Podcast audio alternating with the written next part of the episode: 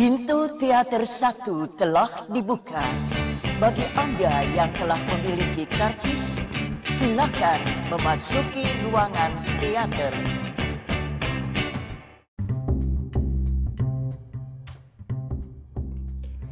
Halo, balik lagi sama gue Mustafa di podcast Habis Nonton Film Uh, Buat kalian yang udah nonton film Bad Times at El Royal Dan pengen tahu juga gimana opini gue soal film itu Bisa dicek di episode sebelumnya di situ gue ngebahas hmm, soal konspirasi John F. Kennedy dan Marilyn Monroe Hotel milik Frank Sinatra dan Charles Manson. Oke, jadi kemarin gue habis aja nonton habis nonton film Bohemian Rhapsody, uh, film tentang Freddie Mercury, kehidupan Freddie Mercury dan Queen. Film yang sangat bagus dimainkan oleh Rami Malek. Gue sih udah nunggu ini udah sekitar setahun yang lalu kayaknya, setahun yang setahun lebih kali ya deh, lebih dari setahun yang lalu karena uh, gue kala itu lagi ngikutin Mr. Robot yang dimainin sama Rami Malek terus ada kabar kalau Rami Malek kira ditunjuk untuk memerankan terpilih untuk memerankan Freddie Mercury. Karena sebelumnya bukan dia gitu. Uh, kira dia terpilih dan saat itu juga dia menang Emmy. Baru-baru menang Emmy loh entah setahun yang lalu atau dua tahun yang lalu gue lupa. Pokoknya Rami Malek baru menang Emmy dan jadi gue sangat excited dengan project film ini. Uh, filmnya bagus banget sih pecah pecah banget dan uh, kalau kalian udah pernah film nonton, nonton film Krisya ya ini tuh model penggambarannya sosok. Jadi sosok Freddie Mercury lebih lebih menggali tentang Freddie Mercury daripada Queen itu sendiri gitu. Nah sama dengan Krisya keseharian dia guncangan kehidupan yang dimiliki Krisya halangan-halangan ketika dia ingin menjadi uh, musisi terkenal. Tapi nggak apple to apple sih kalau soal ngebandingin filmnya karena secara budget produksi dan uh, apa ya pamor secara musisi jauh banget gitu. tapi secara film Bohemian Rhapsody gue nggak paham deh kenapa banyak banget uh, kritikus yang nggak suka sama film ini padahal filmnya bagus loh.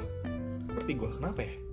Apa karena mereka terlalu paham Queen dan merasa filmnya tidak berhasil mencakup semua uh, nilai-nilai keemasan Queen gitu? Atau atau atau terlalu generik modelnya sih generik emang secara film tentang seseorang yang ingin menggapai mimpinya dan halangan-halangan sebelum menjadi terkenal. Tapi ya it's okay. Menurut gue sih nggak apa-apa. Dengan formula yang formula yang yang gitu juga masih bisa terima dan menguncang sih.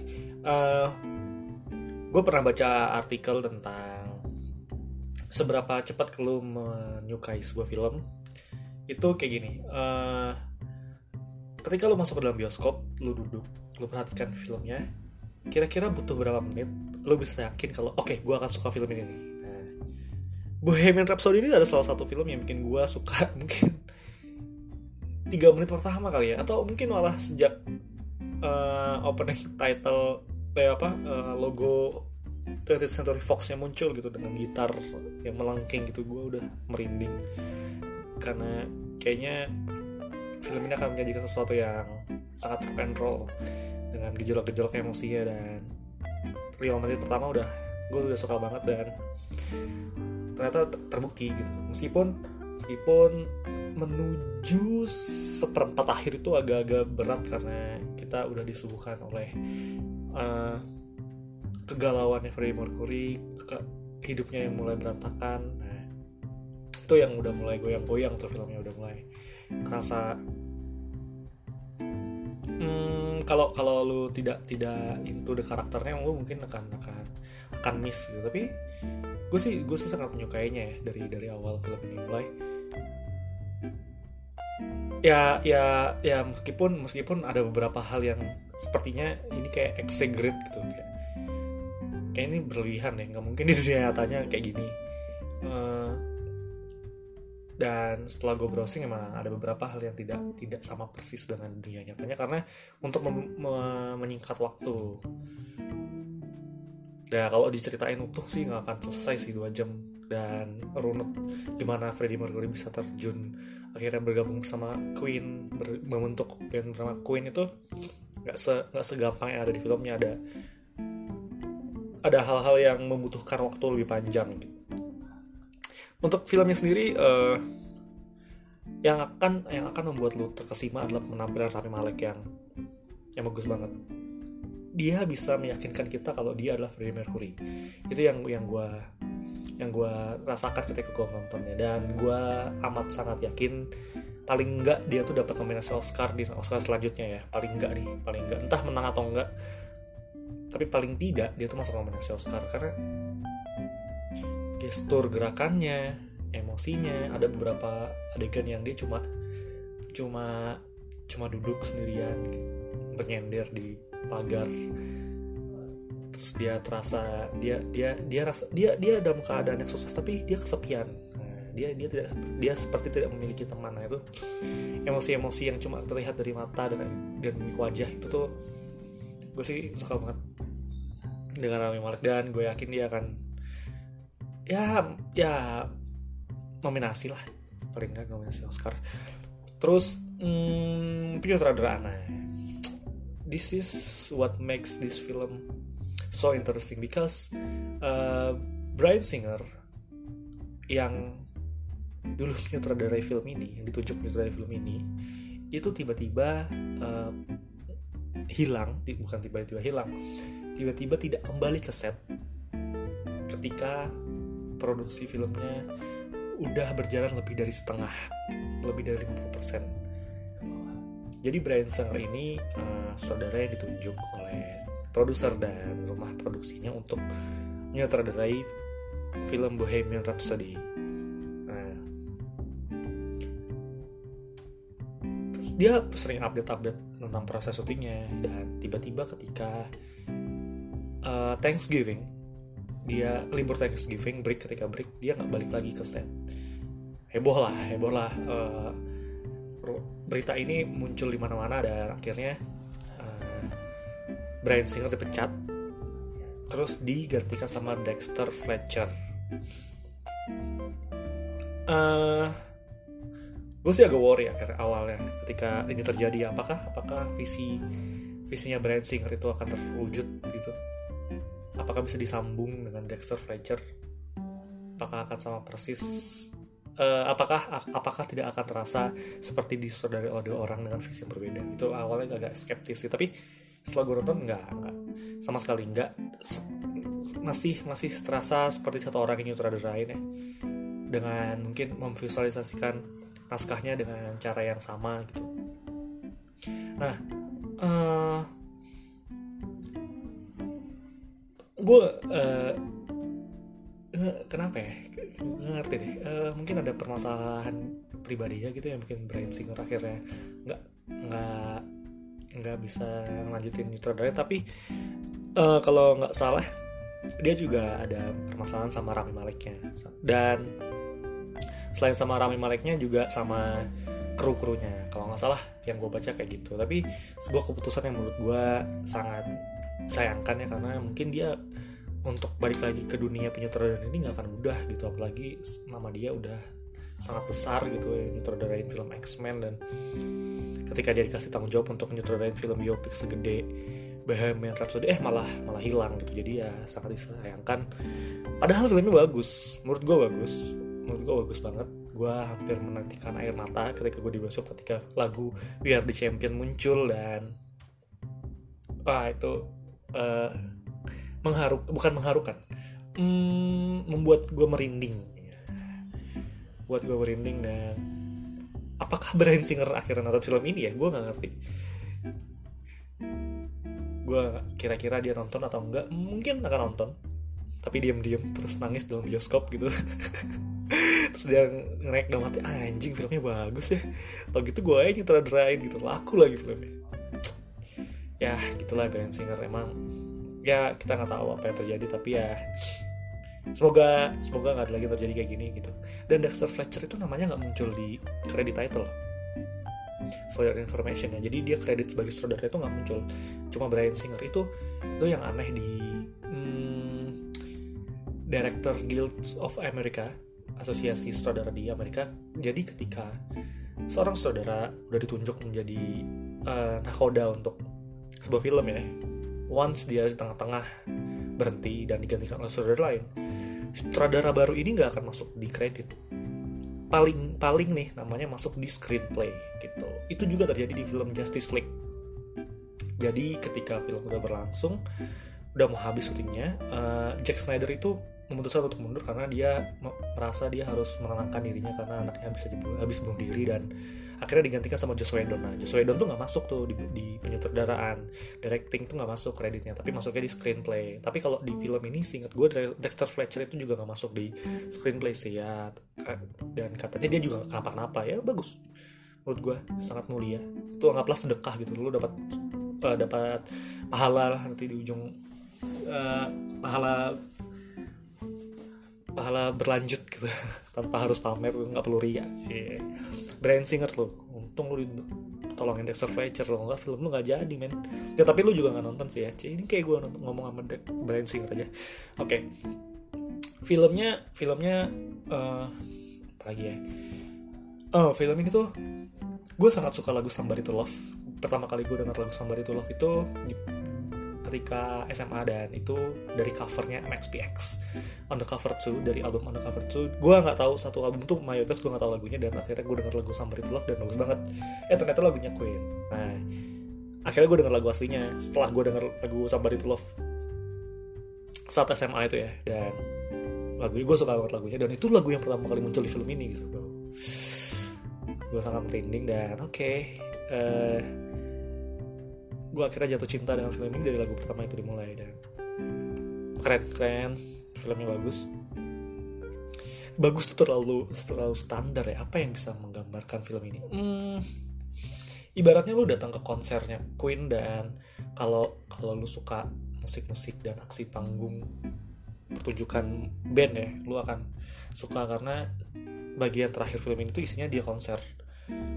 Si Queen konser dan di Live Aid yang setahu gue dit ditasbihkan sebagai uh, konser terbaik konser rock terbaik pada tahun 2005 gini jadi di tahun 2005 itu ada asosiasi atau asosiasi atau jurnalis musik atau segala macam itu berusaha menentukan konser rock terbaik dalam uh, satu abad atau sepanjang masa itu apa. Dan mereka menunjuk konser Queen di Live 8 ini ya karena emang performancenya melegenda ya. Kalau lu nonton sekarang itu di YouTube ada durasinya sekitar 20 menit. Itu masih masih keren. Nggak nggak kuno gitu. Aksi panggungnya Freddie Mercury itu nggak kuno. Sangat-sangat keluar sangat-sangat apa ya? Uh, penuh semangat gitu, untuk uh, di konser itu. Hmm, apalagi yang gue ngomongin? Filmnya uh, selain Rami Malek Brian May-nya mirip. Brian May mirip. Uh, sebenarnya ada satu hal yang yang tidak terasa di film ini dan gue gue setuju sama beberapa kritikus yang ngomong ini karena mengapa mereka berempat terasa sangat menyatu itu tidak tidak dijelaskan secara detail gitu. Kita tahu Freddie Mercury secara sosok dia sangat dia soal musik dia sangat ambisius. Bahkan dia ada bilang di kalimat di filmnya gue tuh berusaha untuk false aja nggak bisa. Ketika gue nyanyi itu gue gue gue selalu berhasil untuk memuaskan orang yang, yang nonton gue gitu. Gue tuh gue tuh seorang performer kata dia kayak gitu. Kita kenal sosok Freddie tapi tapi gimana mereka membangun chemistry antar grupnya ini yang tidak tidak tidak terasa gitu. Meskipun mereka sering berantem gitu tapi chemistry chemistry kenapa mereka bisa cocok ketika mereka menyodorkan oke okay, kita pakai lagu ini sebagai single. Nah, itu itu itu kedalaman kedalaman kedekatan itu yang yang yang rasa sih. Tapi tapi cukup lah. Kalau tapi kalau lo butuh sesuatu yang ih kenapa mereka kenapa mereka semudah itu untuk cocok? Nah itu tuh nggak terjawab. Padahal dia nyatanya itu Queen tuh sering banget hampir bubar gitu. Sering banget hampir bubar di filmnya nggak di film itu cuma sekali doang. Nah ya emang kayak gitulah film hidup itu kan panjang ya nggak mungkin lu bisa merangkumnya dalam waktu dua jam dan lu merasa ingin semuanya untuk digambarkan ya nggak akan bisa. Tapi sebagai penggambaran karir Queen dan Freddie Mercury ini sangat menurut gue representatif. Meskipun gue kurang tahu tentang Freddie Mercury dan Queen gue sangat terpuaskan dan gue akhirnya tahu gimana perjuangan Freddie Mercury di menja menjadi menjadi sosok yang legenda seperti itu. Dan perjuangan dia melawan AIDS. Ya itu itu menarik sih gue gue uh, itulah itulah legenda sih akan akan akan selalu dikenang ketika lu berhasil mencapai satu titik di mana lu bisa membahagiakan semua orang gitu. Uh, setelah gue nonton film uh, Bohemian Rhapsody gue gue berusaha untuk mencari mencari beberapa informasi soal soal lagunya soal Queen dan ternyata Bohemian Rhapsody itu dianggap sebagai salah satu lagu terbaik yang pernah ada. Karena lagu ini bahkan bahkan ada yang bilang itu tuh nggak lagu tapi tiga tiga per empat lagu. Karena isinya beda-beda. Ada balad ada opera ada rock ada ada apa ada lima gue lupa.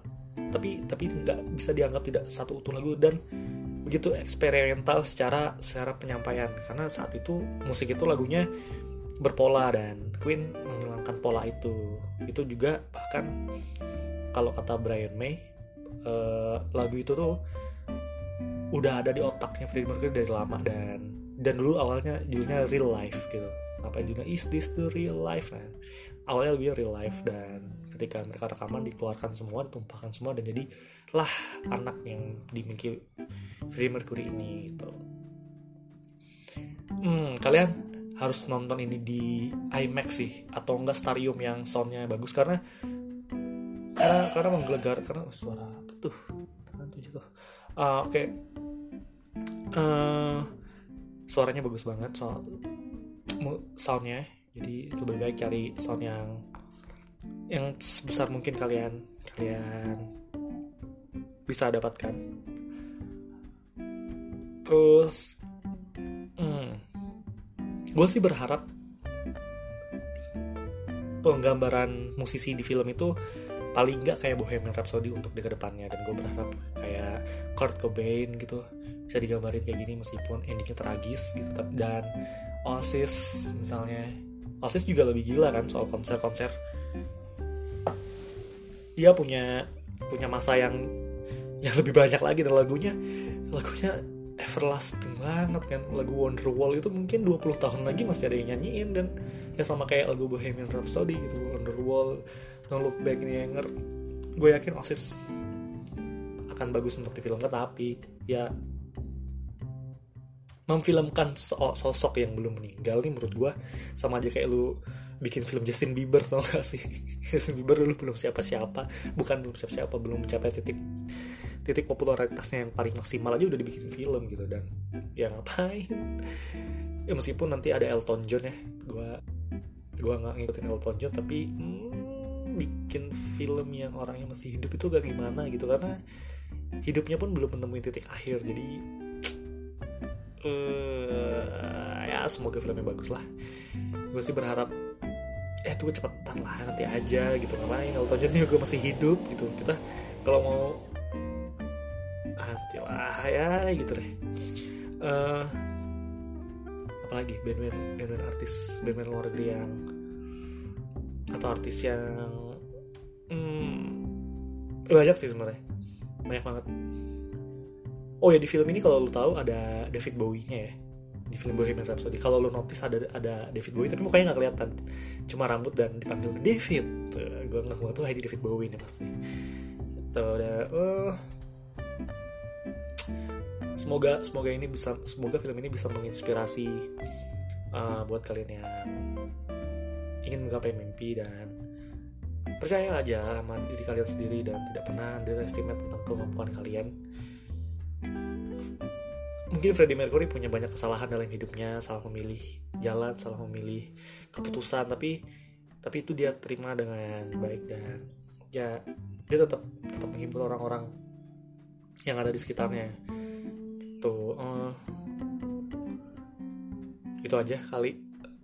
Segera nonton di bioskop karena kalau kalian nonton di laptop dengan speaker apa adanya atau di HP nggak akan terasa bagus segera nonton di bioskop ajak teman-teman kalian dan dah itu aja. Dadah